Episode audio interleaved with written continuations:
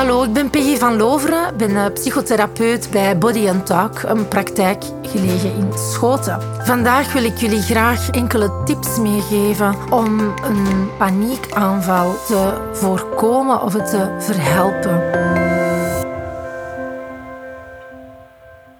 In mijn praktijk kom ik vaak ook mensen tegen die regelmatig of soms wel een, een paniekaanval ervaren. En dan vragen ze natuurlijk, wat kan ik doen in het vervolg als mij dat weer overkomt? Je hebt uh, een ademhalingstechniek die dat u daarbij kan helpen. Maar ik wil toch ook twee methodieken even verduidelijken die jou daar eigenlijk bij kunnen helpen.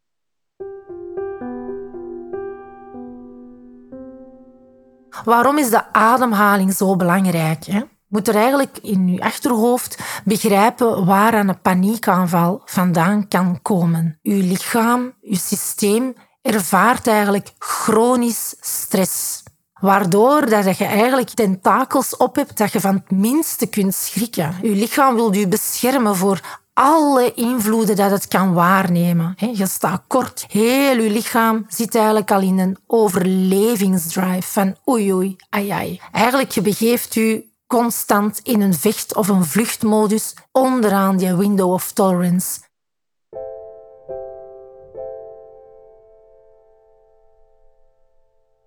Om dan te begrijpen als een lichaam zo al in een stressrespons zit, ja, dan zijn er maar weinig factoren of nog extra stressoren nodig, waardoor dat het lichaam ja, dat niet meer aan kan en volledig in overleving gaat schieten, als het ware. Uw ademhaling zal waarschijnlijk al chronisch in een borstademhaling zitten. Middenrif laat dat misschien al niet meer toe, dat dat zakt. Of je bent je gewoon niet meer bewust van hoe een relaxe ademhaling naar de buikademhaling kan zijn. Dat kan je ook gemakkelijk testen. Ik nodig u uit om gedurende twee minuten uw ademhaling eens te turven, om te zien hoe vaak dat je geademd hebt gedurende twee minuten. En als we dan gaan zien dat dat gemiddeld 13 keer was of meer, dus je hebt 26 keer of 30 keer op die twee minuten geademd, ja, dan spreken we toch wel van chronische hyperventilatie. Dat wil eigenlijk zeggen dat zodra dat je gaat zitten en jij denkt in je hoofd, voilà, ik doe niks, ik ben toch relax, dat jij nog altijd niet relax bent.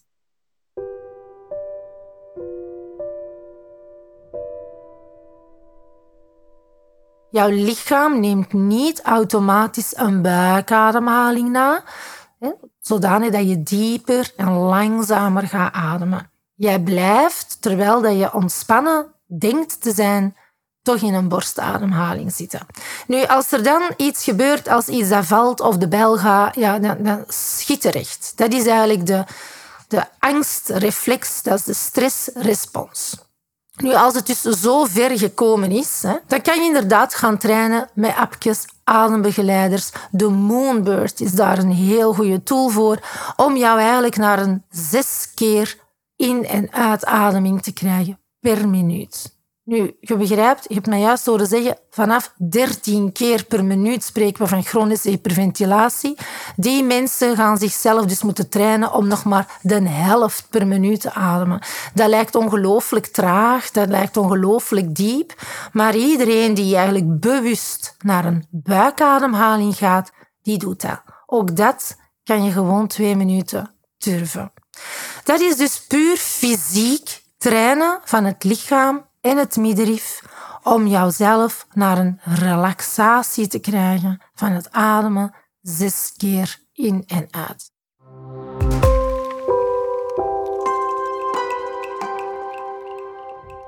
Maar wat zijn nu die twee tips die ik eigenlijk wil geven als het al zo ver gekomen is en je wil jezelf uit een paniekaanval, uit een stressrespons krijgen? Je zou jezelf helemaal op de buitenwereld kunnen richten. Hè? Want heel vaak wordt angst getriggerd vanuit jouw gedachten. Maar als het zover is, gaan we ook gewoon heel gedragsmatig, heel cognitief jouw gedachten richten, jouw focus richten op de buitenwereld. En dat doen we met de 5-4-3-2-1 techniek. Dat spreekt voor zich. We gaan vijf keer iets benoemen wat je ziet. Dus je gaat je echt je focus naar de buitenwereld richten en letterlijk opnoemen dat wat je ziet. Ik zie ik hier nu bijvoorbeeld een stoel en ik zie een lamp en ik zie een spiegel en ik zie een vuilbakje en ik zie een doos tissue staan. Heel letterlijk benoemen dat wat je ziet.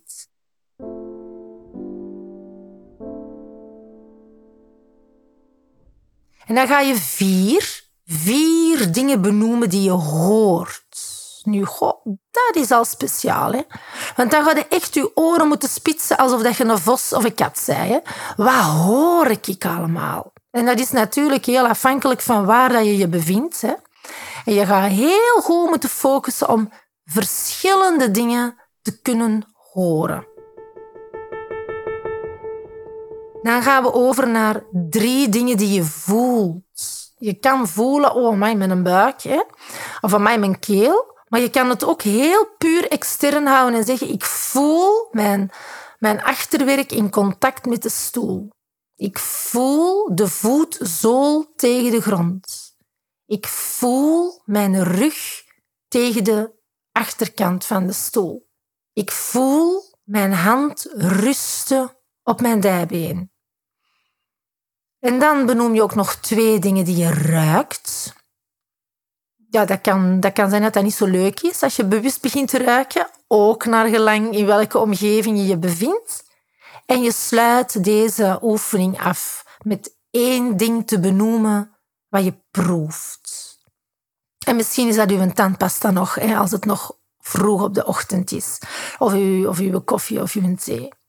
Dus dat is eigenlijk een heel eenvoudige manier, 5, 4, 3, 2, 1, hè, om eigenlijk in die volgorde bewust, heel bewust in het hier en nu dingen te benoemen. En misschien dat je dat zo één keer hebt gedaan, dat dat niet voldoende is. Dat je merkt dat, dat, dat je al wat kalmer bent, maar er nog niet volledig terug uit. Dan blijf je die dingen gewoon herhalen, zolang dat het nodig is. En je benoemt dan vijf andere dingen die je ziet. En je probeert ook nog andere geluiden te detecteren. Of nog andere dingen te voelen. Nog andere dingen te ruiken. En zelfs misschien nog iets anders te proeven.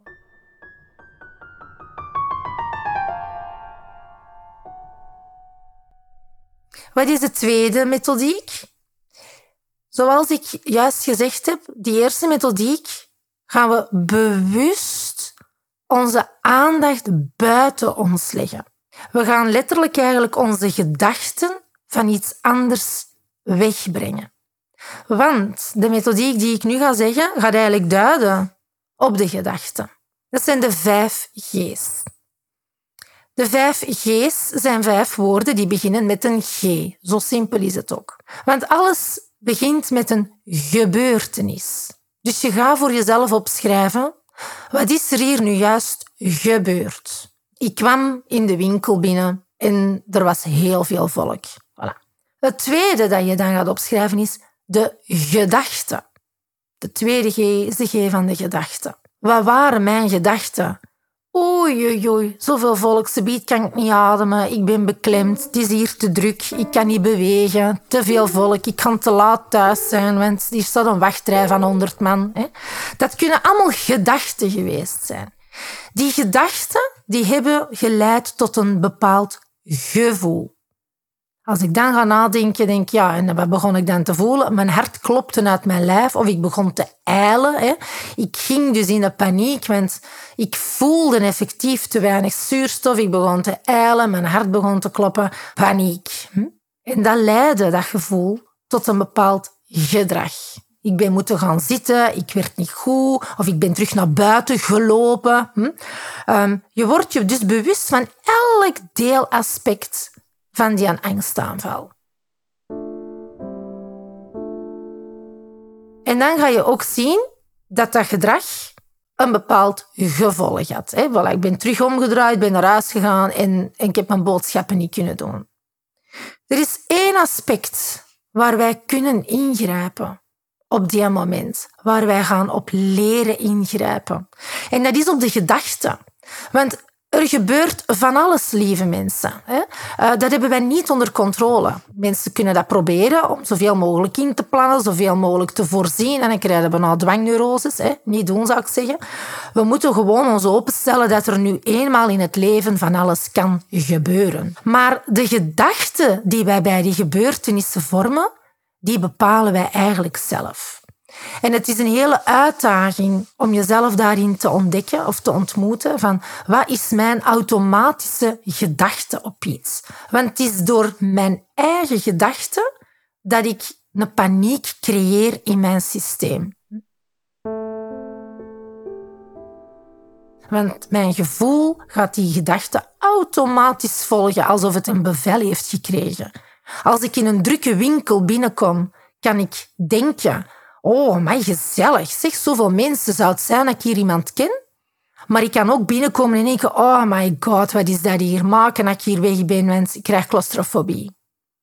Op de tweede gedachte gaat mijn lichaam al heel ongemakkelijk voelen. Want dat hoort claustrofobie, niet leuk, ongemakkelijk, te veel. Hè? Dat zijn allemaal negatieve boodschappen die ik gewoon nog maar denk. En mijn lichaam reageert. En ja, en dan ontstaat dikwijls ook de visieuze cirkel, want ik voel mijn lichaam reageren en daar ga ik dan nog eens op reageren. Zie je het? Ik word niet goed, ik word misselijk, mijn hart klopt, ik moet hier buiten. Hè. Je begint natuurlijk te reageren op je eigen reactie. Word je alsjeblieft bewust bij je eigen denkpatroon dat instant als een eerste reflex er is. Want dat is een beetje gelijk Pavlov, dat we ons eigen dat hebben aangeleerd. Hè? Die heeft hond ook leren kwijlen met een belletje. En eigenlijk leren wij onszelf, wij conditioneren onszelf elke dag in een reflex. En wij reageren instant.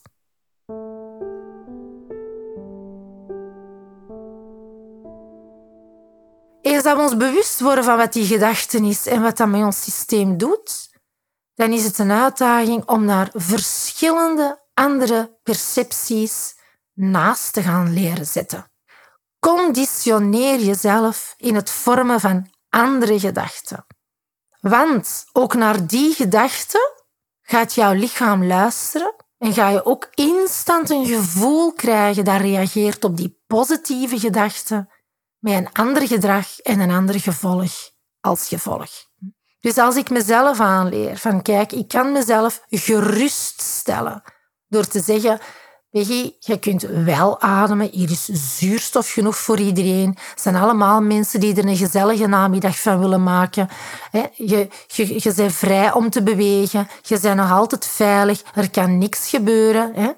Er gaan ze biedt nog kassa's opengaan. Je gaat nog wel op tijd thuis zijn. Of je belt gewoon geverwittigd dat je wat later bent.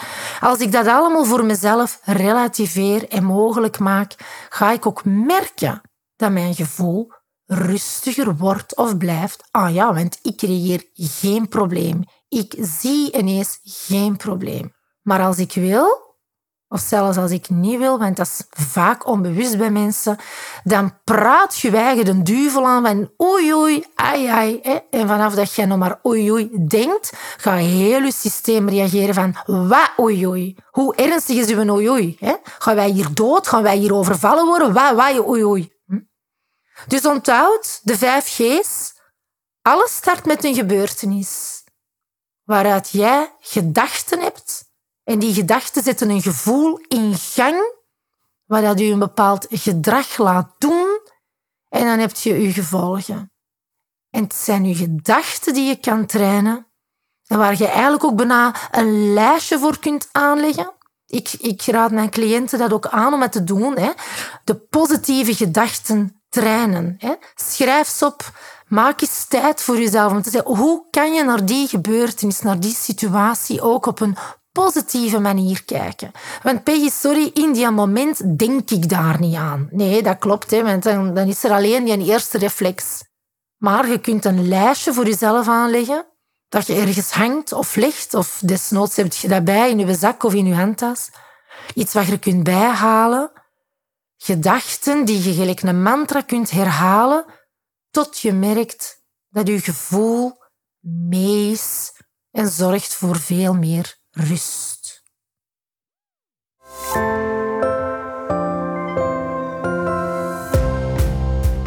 Ik hoop dat ik jullie daarbij toch wel wat inzicht heb kunnen geven in hoe angst werkt en op welke manier dat je eigenlijk puur met je eigen mindset je eigen angst aanvallen kan mee voorkomen of toch redelijk snel, relatief snel een halt kunt toeroepen.